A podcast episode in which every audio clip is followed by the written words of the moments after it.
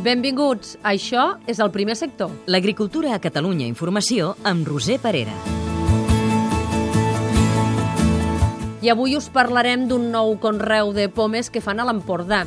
Està en fase experimental i s'anomena paret de pomes. Els avantatges són que hi ha més producció per hectàrea, suposa menys cost i permet estalviar aigua. La veu del camp la dediquem avui a una empresa de Castellxerà que ha dissenyat una cambra per a la refrigeració dels animals morts a les granges. El primer sector.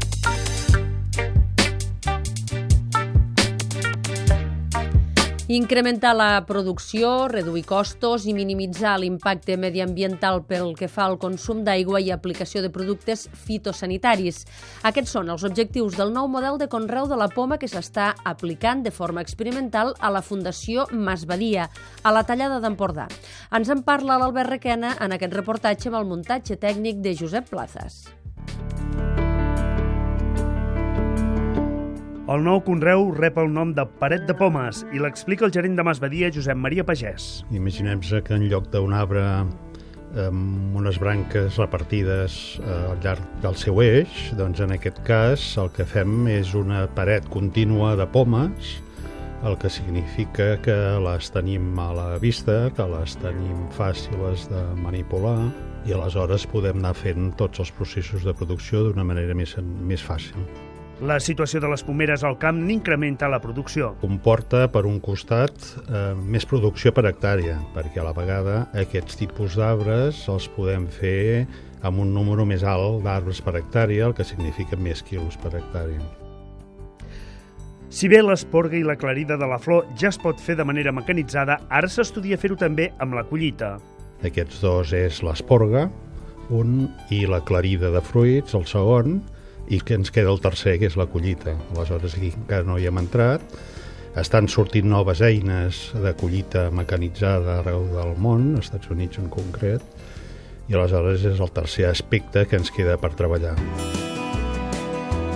Un model de conreu que beneficia sobretot les varietats de pomes de color.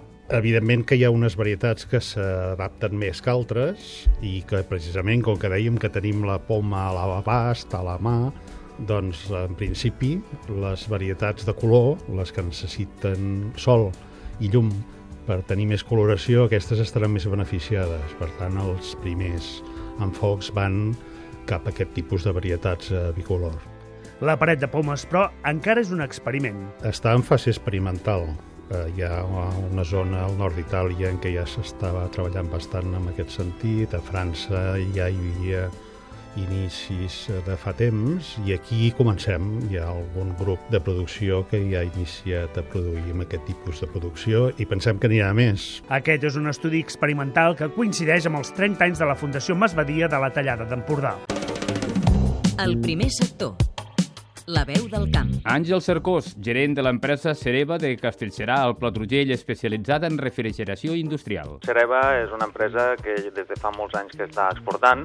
El nostre fort és la fabricació d'evaporadors i el, el més del 65% de la nostra fabricació se'n va a altres països. Principalment és a França i a la resta d'Europa i també a, a Sud-amèrica i Centroamèrica. Cereva ha presentat una cambra per a la refrigeració dels animals morts a les granges. El sistema abarateix els costos de recollida. Bueno, nosaltres pensem que el model no és eficient, sí, perquè tal com tens baixes, si no estan refrigerades, doncs en poc temps s'han de fer recollides. Si tu ho tens refrigerat, doncs podries allargar molt més aquestes recollides. Amb aquest sistema, el ramader no ha de fer una gran inversió. La base és el mateix contenidor que tenen ells, perquè ja tot el sistema dels camions de recollida i això està en funció d'aquest tipus de contenidor, i el que fem és el fiquem bueno, dins d'una càmera que nosaltres hem dissenyat especialment per a aquesta aplicació. Cereva es va fundar l'any 1980 i té 30 treballadors. El primer sector. Un programa realitzat des dels centres territorials de Catalunya Informació.